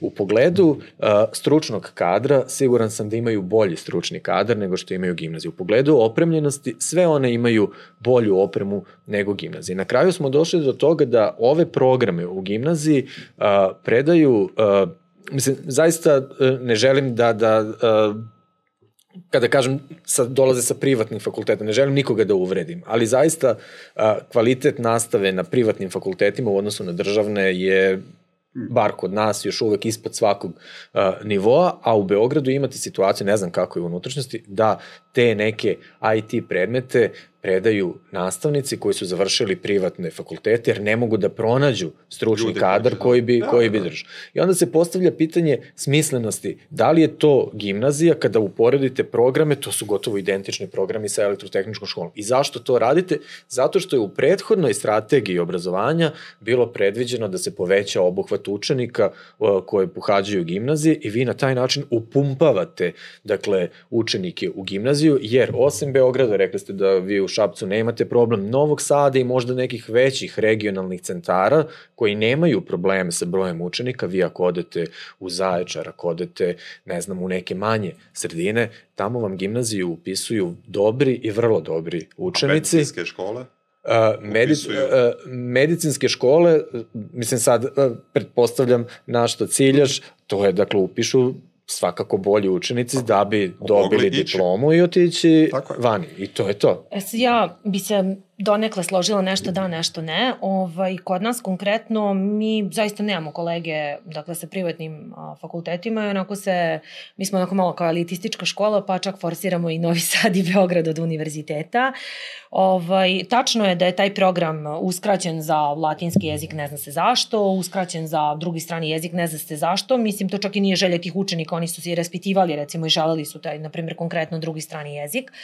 Ali, na primjer, što se tiče opremljenosti, izuzetno je, na primjer, konkretna škola u kojoj radim opremljena, ali ne bi se složila u tom delu sa srednjom stručnom školom, zato što, recimo, nama zaista to upisuju sjajni matematičari, mi imamo republičke diplome, imamo decu koja se takmiče iz matematike, iz fizike, čak jedna devojčica ne, ne, nesporno stigla. Je, nesporno je to što e, kažete, dakle, ali je prosto je poenta... taj kvalitet dece, ali uopšte gimnazijski programi, oni imaju jako puno matematike, možda niste pročitali, imaju diskretnu matematiku, imaju nacrtnu, imaju, ali verujte, ta matematika u gimnaziji, matematika to u srednjoj stručnoj školi ne mogu da se mere, znači to, to grešite, znači ja sam te, ta ja. deca su ipak, nikad nisam čula da je neko, mi imamo tu elektrotehničku školu u Šapcu, ja zaista nikad nisam čula da je neko iz pa, matematike i fizike evo, pogledajte, otišao. Pogledajte da. profil elektrotehničara informacionih tehnologija. Ali ja vam kažem da to nije, pa uporedite vi matematiku, znači vidjet ćete da to nije isto, mislim. Dobro, i vi imate, vi imate jedno odeljenje ili dva odeljenja, ja jedno govorim ovde, godišnje. tako, jedno odeljenje godišnje, nesporno je da na ta tako mali broj dolaze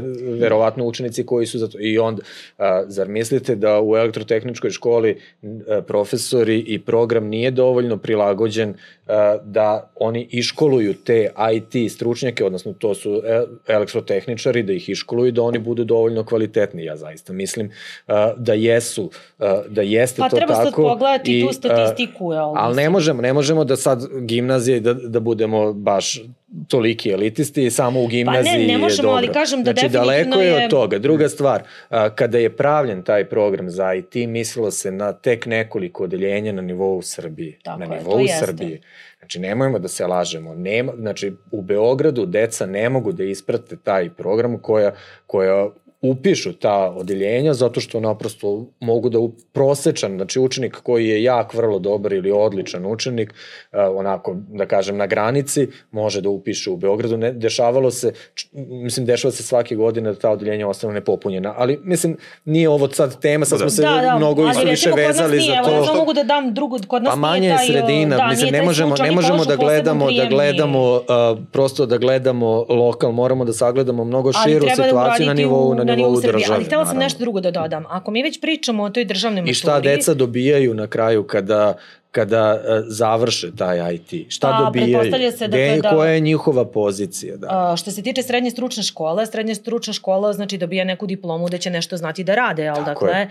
a za ove iz gimnazije se znači planira da oni studiraju dalje, vi sa ni sa jednim I kada se uvede i kada se uvede državna matura, Tako dakle je. oni e, ne polažu problem. gimnazijsku maturu što im problem. otvara dalje ka drugim fakultetima, nego polažu to je nešto stručna matura. Ali, koje je krenulo ranije ali, ali, ali to je, to je, mislim, mislim da to može tema, bude tema za jednu celu emisiju. Da. Tako je. Znači ja sam samo htela da kažem apropo uvođenje te državne mature. Znači mi ako hoćemo to moderno obrazovanje, znači ako pogledamo te gimnazije, ne znam, dakle pošto gledamo u Evropsku uniji kako je, ako pogledamo, ne znam, samo prvo lupam sad Mađarsku, ne znam, Sloveniju, Austriju, Nemačku, nemate vi smerove u gimnaziji. Vi nigde nemate te smerove. Vi imate, dakle, te obavezne predmete i onda oni biraju to što se pominje. Da li će birati humanities, da li će birati science i slično slično, onda ti svi smerovi gube smisao. Da li su IT, da li su filološki, razumete?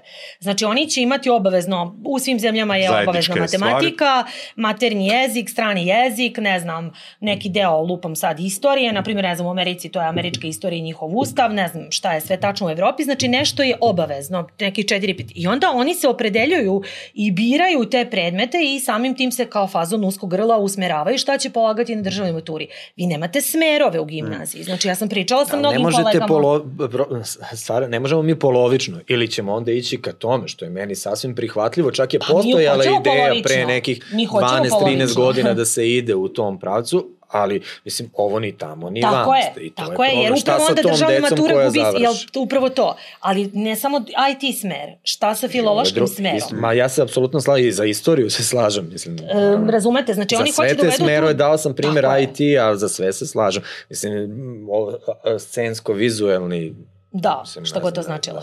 Da, uh, ono što me sad više zanima kroz, evo, ok, znamo sistem, veliki broj predmeta, stvari koje tu postoje, koja je autonomija škole i koja je autonomija profesora unutar škole. Evo, možete i kroz primjer koji radite ili generalno ono, slika. Dakle, možete li vi kao škola da kažete, evo, mi se dogovaramo da profesori svi koji predaju, to mi ćemo raditi ove godine na ovaj ovaj način, držat ćemo se, ne znam, nekih tema i to ćemo mi sarađivati, zajedno ćemo pratiti stvari, ili ono u smislu autonomije ja ću da radi u učionici drugačije nego što je to propisano. Pa, uh, Dakle, e, Pazite, niko vama neće zabraniti. Znači, kažem, kako su propisani ishodi i standardi, vaš cilj je da ih dovedete. I tako je i zamišljeno. Uopšte, kada je, kada je rađena reforma, tako je i bilo zamišljeno. Dakle, e, da ja sam mogu da odlučim da li ću Francuskoj revoluciji posvetiti jedan čas ili ću je posvetiti pet časova. Ali kada oni završe taj treći razred ili, ne znam, četvrti razred, oni moraju da znaju to, to i to. Ti si odgovoran ako ne znaju. Tako da u tom smislu je zamišljeno da imamo autonomiju. Međutim, onda se u praksi to svede uh, na to da uh, otprilike na nivou aktiva moramo svi da imamo iste planove. Znači da nam se gađaju svima iste nastavne jedinice. A to, znači, je potpuno besmisleno. I onda pa uh, automatski ste ograničeni. E sad, mi pronalazimo način, pa onda, bar mi u, u, u, u mojoj školi pronađemo način, pa onda imate mogućnost zabeležbe zašto ste odstupili, pa onda Aha. vi možete da objasnite zašto ste odstupili. Ali kada bi došla inspekcija, kako bi ona to tretirala, to sad možemo da zamišljamo. Dakle, moglo bi se reći da, da postoji neki vid poluautonomije, ali bih se usudio da kažem da nastavnici nisu dovoljno spremni da koriste. Čak da ju koriste. Tako je, da je to najveći problem što se nastavnici plaše da iskoristi to što im je, što im je ponuđeno. Recimo na, na tim seminarima koje smo prolazili, ovaj, e, bilo je e, da ne moramo da pišemo e, nastavna jedinica, obrada, utvrđivanje, sistematizacija, da uopće se to ne piše. A onda PP služba, odnosno pedagoška služba Traži traži, da se, da li si obrađivan, a na seminaru je jasno rečeno kada su kada je rađena reforma da ne mora. Niko nije rekao Tako toj službi da to treba da... Pa nisu bili izgleda na seminaru. Da.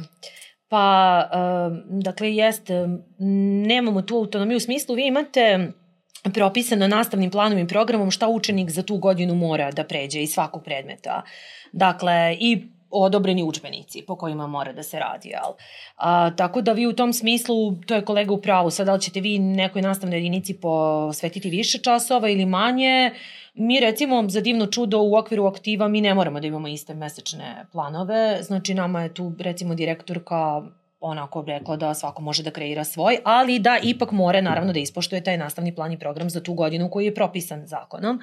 Dakle, u tom smislu autonomije znači nema, ali možete biti kreativni na času pa sad koristiti različite metode kako da dođete do toga ili ako procenite da je nekoj nastavnoj jedinici potrebno manje ili više časova i slično. I slažem se sa kolegom da se ljudi prosto plaše promena, ali, na primjer, mi nemamo uopšte nikakvu autonomiju u smislu um, sad, recimo, ja ću uzeti kolegin predmet, pošto je onako, da kažem, plastična za objašnjavanje. Istorija znači ogromna, mislim, jel, od postanka čoveka pa do danas. I sada bi mogla možda da se kreira, ja sam to, na primjer, videla, na primjer, u Americi oni imaju, ne znam, antičke samo, na primjer, antičke civilizacije ili hladni rat, jel?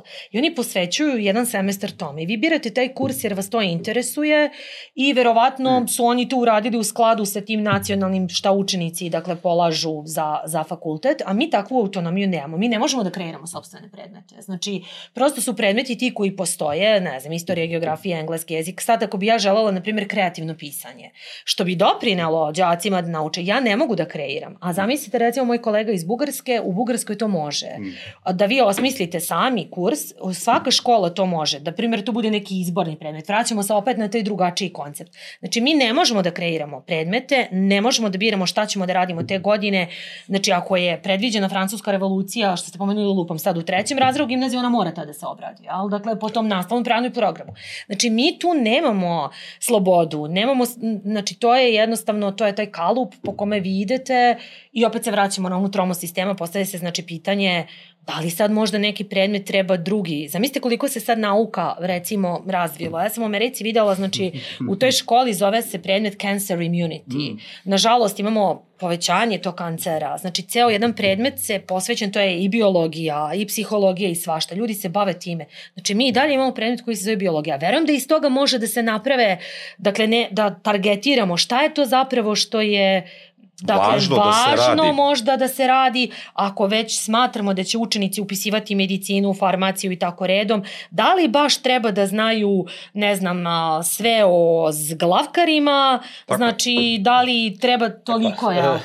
Ne možete da pretpostavite u gimnaziji šta će, da li će medicinu upisati, jer mislim, oni mogu da upišu i geografiju, ali naprosto se ne, može, ne možemo sad iz biologije da kažemo učit ćemo samo Ne da Kako, kažem da ćemo učiti učenike za samo, ali medicinu. da jednostavno, ne, ne da kažem da ćemo spremati za medicinu, ali sigurna sam da mogu da se naprave nekakvih više kurseva, pa će onda učenici po ovom sistemu kom sam pričala ali birati. onda dolazimo do drugog se... ozbiljnog problema, to je organizacija Tako nastave. je, Kako tako je. organizovati u takvim uslovima nastavu sa ovom Jer- klasičnom jer ja sam školom, čas ono što traje ste- 45 minuta. Što ste vi rekli, slično, oni da. su preopterećeni. Da li sad neko ko je Da. već rešio u drugoj, trećoj godine hoće studira medicinu, onda on bira, recimo, humanističku biologiju i bavi se samo čovekom, jel? Da, da, to, to svakako, ali kažem, to je... jer zašto bi sad on no, ne znam, to je možda i bila ideja ovih izbornih, već. izbornih programa koji su onako naprasno uvedeni, ali, kažem, problem je organizacije kako napraviti. Mislim, čitav sistem je potrebno menjati i za to je potrebno Iskoreno. dobro, dobro, dobro osmisliti kako uraditi. I potrebne su ogromne pare za to. Mm, I vreme. Da. Nada kaže da je uvijek željela da bude profesorica i da ste to znali. Da, jeste, htela sam. Kada je to osviješteno potpuno? Pa, mislim, ono, ja još, pošto imam mlađeg brata, ja sam se još kao malo ono igrala, tako što sam na njemu bila učiteljica, ovaj, ja, ja sam kao htjela budem dominanta. Je li imao pet? starija, da. Pa kako kad, nekad jedan, nekad pet, kako mi se taj dan svidi. A onda sam posle, mislim, znala sam ovaj, kad sam upisala gimnaziju da hoću da studiram engleski.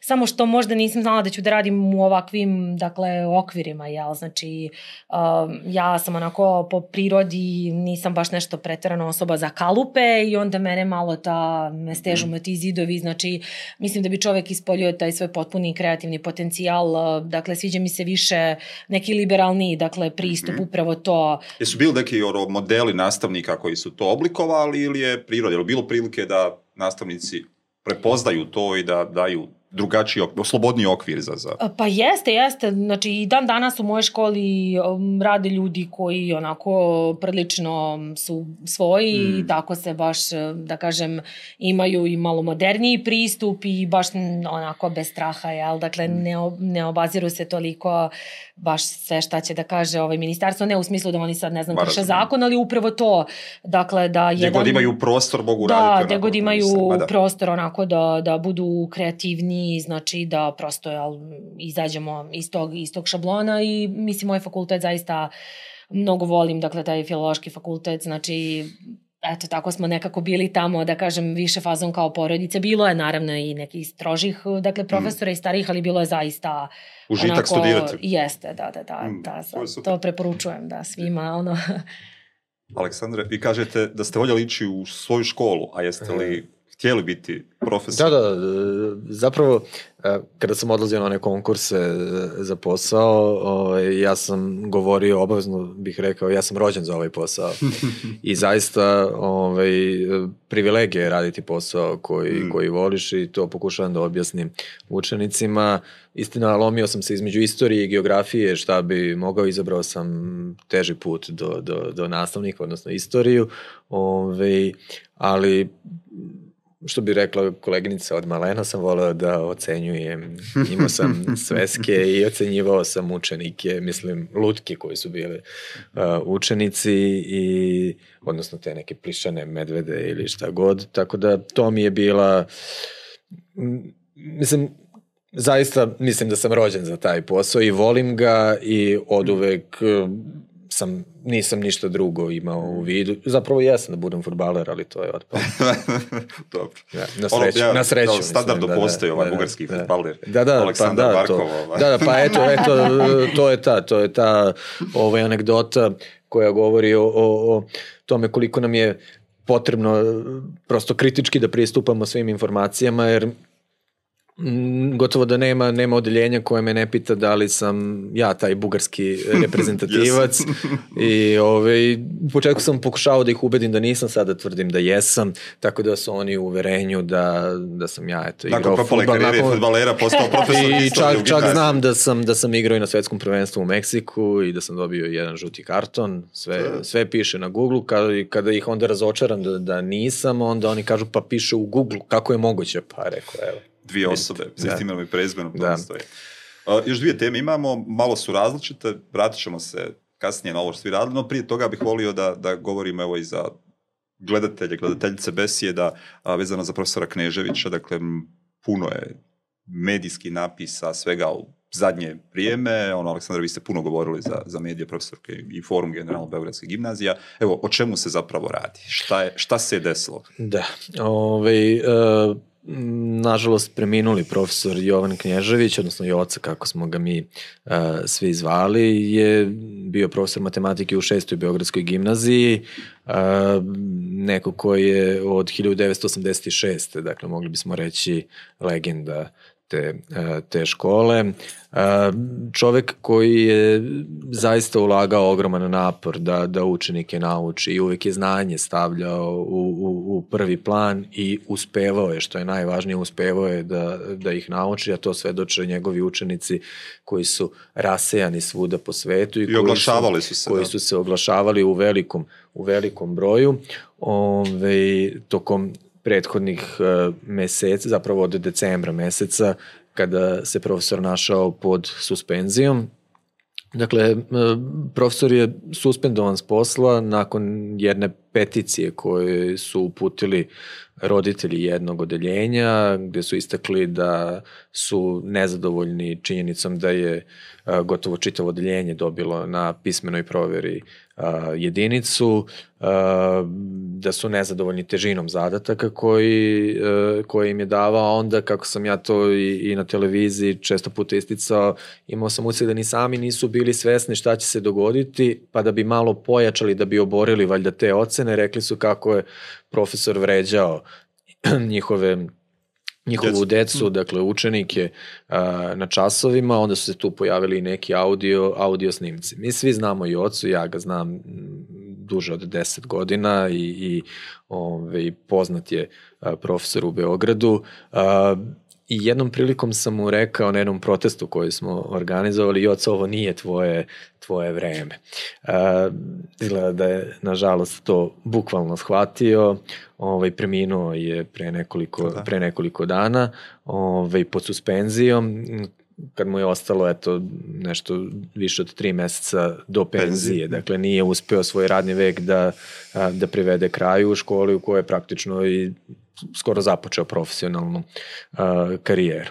E sad on jeste imao malo neformalni pristup. Uh, onako, mene podsjeća na nekog strogog oca koji je znao i da iskritikuje, ali uh, i da vikne po potrebi i da ovaj, pohvali kada je to bilo potrebno, ali ono što je najbitnije, znao je da nauči i bio je voljen. I rekao sam i učenicima i roditeljima sam i kroz medije poručio da je najveća šteta što oni nisu pružili priliku, s obzirom da im je on predavao tek tri meseca, ove, što nisu pružili sebi priliku da ga bolje, da ga bolje upoznaju, a, jer bi sasvim sigurno promenili mišljenje o njemu. A, nažalost, kažem, on je odlukom direktora suspendovan s posla, udaljen je s posla,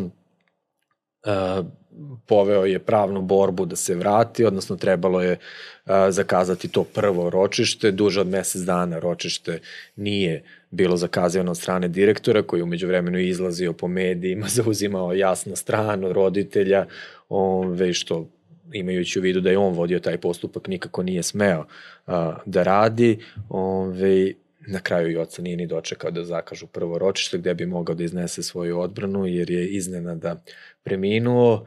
A, u svečanoj sali šeste Beogradske gimnazije održana komemoracija koja je, ta svečana sala može da primi 300 e, ljudi, dakle toliko je mesta za sedenje, sala je bila prepuna, je ljudi direktor? su ostajali, e, nažalost direktor nije došao na komemoraciju, što je još jedna, nije došao kasnije ni na sahranu gde je takođe bilo mnogo ljudi, što je još jedna od ne mogu da kažem zamerke, ali nešto što, na što smo pokušali da mu ukažemo ako neko smatra da je sve uradio profesionalno, da su ga zakoni primoravali na to, onda moramo naprosto profesionalno do kraja da se ponašamo i da kolegi koja, koji je institucija u toj školi odamo poslednju počast, što direktor nije našao za shodno da uradi i kako sam ja pokušao da objasnim i ocu su pokušali iz njegove kuće da udalje oni koji su tu u prolazu i mi smo uvereni da je taj direktor a, u prolazu, ali eto, tako se završilo neslovno. obrazovne vlasti reagovale i bilo kakvim stavom da. oglasile se? A, Forum Beogradske gimnazije se obratio, pošto je sve vreme pružao podršku a, kolegi, obratili smo se Ministarstvu prosvete. Ministarstvo prosvete je pristalo da organizuje jedan sastanak koji je trebalo da posluži kao neka vrsta medijacije, odnosno da se na sastanku pronađe neko, neko rešenje, bar smo mi tako to doživeli, Međutim, direktor je taj koji pokreće postupak, direktor je taj koji mora i da ga okonča, on na tom sastanku nije pokazao spremnost da prosto vrati u tom trenutku kada je održan sastanak, ovaj, da vrati kolegu na posao, da obustavi postupak, jer smo mi istakli da je on vođen na osnovu peticije. Ne možete vi da nekoga optužite na osnovu... Bez da ste ga pitali i da se izjasni. Na, na i, pa ne, on se svakako izjasnio, mm -hmm. dobio je, o, ima obavezu kada se pokrene da, da, se, da se izjasni o tome, ali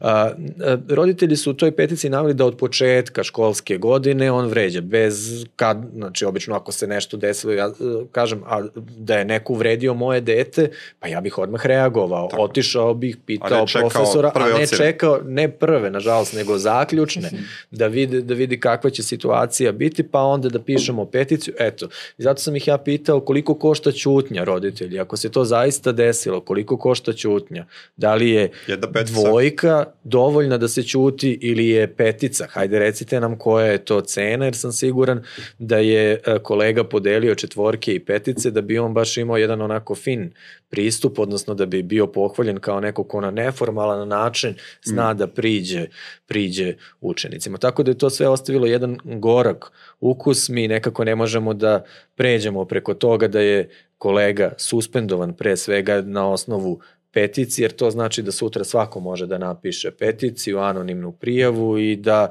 suspendujemo celo nastavničko veće. Moram da priznam da za i ocena života smo imali ideju da mi napišemo sad jednu prijavu protiv čitave šeste Beogradske gimnazije, protiv svih nastavnika i da tražimo suspenziju po istom principu.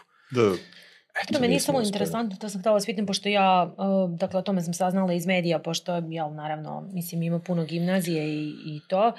Ovaj, s obzirom da u toj proceduri treba da se sastane tim za m, sprečavanje za borbu protiv nasilja, da. Da, mene interesuje kako se taj tim izjasnio. Znači, to su kolege i ocine, tako da i to je interesantno. Nikad direktor nije, da kažem, sam u toj priči. Taj tim zaseda, on ima tamo neki desetak, 12 članova, mm, koji takođe treba da pomogne. Broj, direktor u donošenju te odluke. Tu se obično nalazi pedagog i psiholog, razredni starešina i već kako je koncipiran taj tim. Mene zanima šta su ti ljudi rekli. Da, što se tiče uh, načina funkcionisanja te škole, možda najbolje opisuje rečenica jedne koleginice iz uh, šeste Beogradske gimnazije, koja kada je i oca preminuo, rekla kako bi ona došla na sahranu, ali ne zna kako će to direktor protumačiti, da li je, uh, će protumačiti da ona na taj način pruža podršku kolegi Kneževiću koji je mrtav pa u tom trenutku. Da, mislim. tako da ovaj, govoriti o, o ulozi tima za borbu protiv nasilja ili uh, naprosto tim za borbu protiv nasilja, uh, on jeste sazvan, uh, nije ovlašćen da prosto on ne može da kaže da li je u, izvršena psihička povre, odnosno psihičko nasilje. Prosto to su nastavnici, ne mogu oni, znači tu je neko ko sprovodi, sprovodi zakone, ali mi govorimo proceduralno, ne možete da a, suspendujete nekoga, a, da biste suspendovali bilo koga, potrebno je da kažete tog datuma se desilo ne, ne, to i to. Ne, ne samo interesovala klima, pa što nisam u toj pa školi. Pa klima je, dakle, klima nekada, u toj školi, da, mislim, je nekada, sad, sad da pričamo. Nekada imate direktora koji prosto želi da pokrene postupak, pa ne ilazi na tvrd otpor Ova, kolega. O, ta, Eto, ta rečenica, ta da, rečenica da, koju je rekla ta koleginica, e, možda da, je dobar pokazatelj, a možda je najbolji pokazatelj činjenica da kada se to desilo, kolektiv nije stao, dakle održan je protest, ali nije se ceo kolektiv pridružio. Da. Ono što je čest problem u Srbiji jeste što uh, nemali broj nastavnika radi na određeno vreme, što znači da... Ovisi o direktoru. U, Tako je, da u svakom trenutku, ne u svakom trenutku, nego nakon isteka ugovora o radu, on može biti otpušten s posla. I to je klima u Srbiji, uh, bar kada Dobro, reč I ne o... samo nastavnici koji su na određeno vreme, ima i nastavnika koji su na neodređeno vreme, ali... Naravno, koji... Da. koji... A to je Kako je to izgledalo u, u Šabaškoj gimnaziji? Je li bila tema razgovora među kolegicama i kolegama? O, ovome. Profesor Knežević, da. Pa, da, mi to što su ljudi saznali iz medija, Pa naravno, mislim, ljudi su upravo se to pitali, pošto naravno kod nas su uglavnom, jel, dakle, direktori, da kažem, to je, uglavnom su podržani od strane aktualne vlasti, ne samo u ovom režimu, nego i Bilo nekim pred, da, mhm. prethodnim režimima, upravo su bili, da kažem, onako više zabrinuti za, za taj kolektiv, jel, dakle, ako imamo s druge strane, imamo jednog direktora, zašto mi kao kolektiv, jel, koliko mi brinemo jedni od drugima, jel, svako od nas je mogao doći u tu situaciju kao sada već pokojni kolega Knežević, tako da je to onako prilično loše odjeknulo. Naravno da je svima jasno ovo što je kolega već istakao i ono što sam ja na početku ovog naše razgovore rekla su roditelji strašno zainteresovani za ocene i vi ćete videti ako prelistate štampu u Srbiji da su uglavnom prijave protiv ljudi koji imaju loše Kri, ocene. Koji imaju znači, kriterije. koji drže kriterije. Tako, tako je. je. Znači vi nećete nikad vidjeti da ima prijava protiv nekoga kome je 4,86 prosek u odeljenju. Znači to teško, jel? Znači to su uglavnom ljudi da kažemo koji jel, drže nekakav kriterijum. To su uglavnom, da kažem, matematičari, ne matematika onako ipak teška većini učenika, ne, ne moraju nužno dakle biti, ali m, prosto eto, a još sam htela da dodam to što kaže kolega da su ljudi na uh, određeno. Uh, sada je trend u prosveti uh, kako da kažem, onako, uh, jedan izvršilac se uh, onako podeli na jedno četiri izvršilaca, ne znam da li je to ten, trend kod vas, da. Znači, sad lupam, jedan čovek mm -hmm. ode u penziju, na primjer profesor norma, geografije, da, jedna norma, od 100% se podeli, ne znam, 22,3% jedno i 20, bukva, ali bukvalno je tako, znači pišemo u rešenjima 22,3%. Tako da vi imate onda četvoro ljudi koji su sad na određeno, ali znači, sad se postavlja pitanje, zar nije... Zar je lakše da jedna osoba Pa jeste lakše, ali opet dolazimo do situacije da se nalazimo u absurdnoj... E, kada sam ja počinjala da radim, bila je tema ukrupnjavanja. Ja sam počela da radim 2005. godine i ba, baš je bila ta priča ako neko radi kod nas na 70%, čim se oslobodi da se ukrupni i da tom čoveku, jer je i lakše i zbog rasporeda i operativniji ako je odeljenski starešina, da je tu svaki dan s učenicima, a sad imamo baš da, naprotiv... Da, zavisi, to nije, nije svuda princip da se jedna norma podeli, dešava se, se ima, dešava, dešava se, dešava se se, recimo, uh, imate neke škole gde je sindikat stvarno jak i onda najbolji način da oslabite sindikat ili da sindikat izgubi reprezentativnost, jedan od načina jeste da povećate broj zaposlenih. Da. Zato što se reprezentativnost, o, bez obzira na određeno, neodređeno, jer se reprezentativnost određuje u odnosu na ukupan, ukupan broj, broj zaposlenih. Da. Tako da to su, to su te neke fine igre i zavisi, mnogo zavisi od direktora. Ne možemo da kažemo da su svi direktori loši. Ne, ja zaista ne. znam uh, ajde da ne kažem dosta, da ne preteram, ali znam nekoliko skoro direktora, svi? skoro, skoro nekoliko direktora koji su zaista dobri, koji se zaista trude, uh, koji nisu politički, uh, politički postavljeni, koji uh, su mnogo doprineli za boljitak mm. ovaj, i, i, i napredak tih škola kojima, kojima rukovode. Tako da, ako oni znaju da se izbore, verujem da bi znali i, i, i neki drugi, ali je tu opet sad dolazimo do još um, jednog problema sa kojim se suočavamo od vremena ministra Šarčevića, ja ga često spominjem. Ove, uh, u njegovo vreme je uh, centralizovan izbor direktora, dakle ministar je taj koji uh, bira Ne, on je taj koji bira uh, direktora, ne samo da potpisuje, nego bira direktora zvanično. Naravno da ministar ne može da zna sve direktore, sve škole i onda to, kao što je koleginica rekla, često dolazi od lokalne samouprave i tako se postavljaju i onda formalno nastavničko veće se izjasni, izjasni se glavni odbor, uh, školski. školski odbor, ali direkt, uh, ministar može onda da kaže, e, ovo ne važi, evo vam ovo. To se i dešavalo u nekim školama. Što se često škola, da. dešava. Da. Tako da, da, ovo što je kolega rekao da ne ocrnimo sad, mislim, biti direktor u školi je vrlo izazovna pozicija sada, jer vi se nalazite onako u centru jednog bermudskog trougla koji čine roditelji i učenici na jednoj strani, zaposleni na drugoj, koji jel, su sreću raznim problemima i sa treće strane, dakle, ministarstvo, školske hmm. uprave i sve što pripada tome. I zaista sad sve to ishendlovati sa zakonima, pravilnicima i pritiscima, naravno, koje oni trpe, jel, dakle, uh, i dolaskom, kako da kažem, i, mislim, tim anonimnim prijavama koje, što vi kažete, može svako sad bukvalno da uzme da parafira, pošalje i ta inspekcija će odmah da dođe da je to jedna isto borba, ali evo recimo, na primjer, kad pričamo o boljitku škole, uh, ja znam da je to, na primjer, bio problem u nekim školama, moram da pohvalim, um, dakle, u moje školi da se, na primjer, um, naša direktorka zaista podržava sve što bilo ko hoće da radi, da kažem, ne sad baš bilo koji bilo šta, ali u smislu recimo projekata, znači bilo šta što će dovesti do unapređenja, do, nastave, ja zaista nisam imala nikakav problem i odlazila sam na futbol i vraćala sam se i ništa, znači uh, bukvalno eto ona, sve to što će da, ne znam, deca odu na neko takmičenje ili neki kamp ili neki projekat ili bilo šta, znači ona vrlo, vrlo izlazi u susret i trudi se i da nabavi i opremu za to, tako da eto, trudi se da podiže znači taj kvalitet nastave, znači u tom smislu. Ali opet moramo isto uzeti u obzir da smo mi, dakle, obrazovni sektor i oni su promenili čak i u zakonu, kolega to verovatno bolje zna, da iako škola može da napravi neki prihod, a mi naravno smo neprofitna ustanova, ali ako ima mogućnost izdavanja nekakvih prostorija mm. za nešto ili recimo sportske hale, taj novac više ne ide školama, nego ide direktno u ministarstvo. Znači, direktorima su bukvalno vezane ruke, znači za, za gomilu stvari da postoje neki direktori koji bi bukvalno ljudima i da kažem i dali neku stimulaciju za neko angažovanje, ali prosto je to postaje se ja, da, to je zanimljivo, mi nismo dobili dozvolu da ta sredstva iskoristimo da. za obeležavanje 20 godina. Da, da. da jer bukvalno škola. sve te pare se slivaju sad opet u ministarstvo i vi sada za pare koje je ta škola zaradila morate opet da pišete da vam neko, da, to je sad dolazimo do te priče centralizovanja vlasti koja kontrole je... potpune. Da, kontrole potpune od predsednika kućnog saveta u zgradi pa do... Ali bukvalno je tako, jel? Uh, ja ulazimo u četvrti sat ovaj, ovoga intervjua i vrijeme je da privodimo kraju. A, Kako vrijeme kod vas leti. Tako je.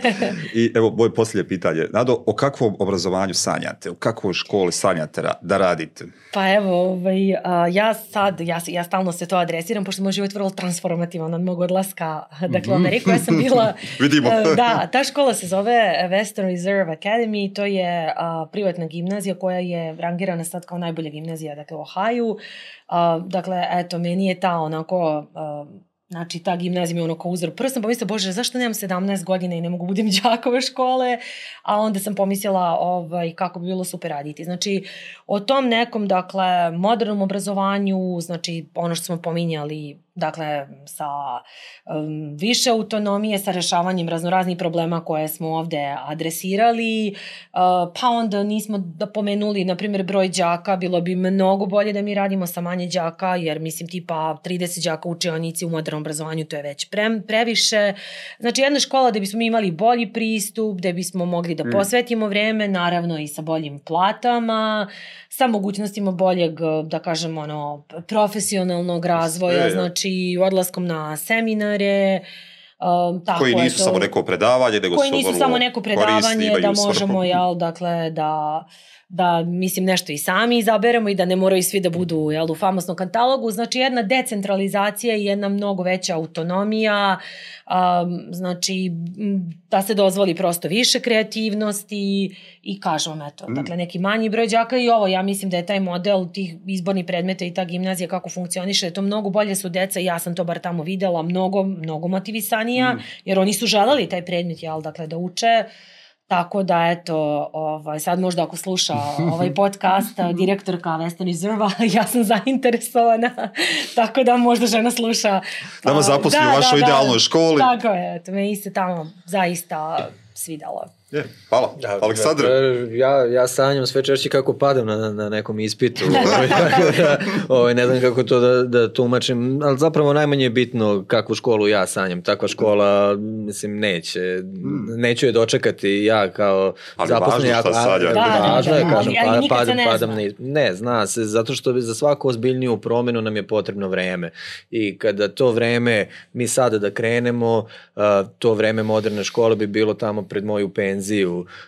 kada bih ja verovatno već bio onako prilično džangrizav tip koji e, kojem bi bilo sve jedno aj samo da dođe da dođe više ta penzija da, da, da mogu da idem da pecam.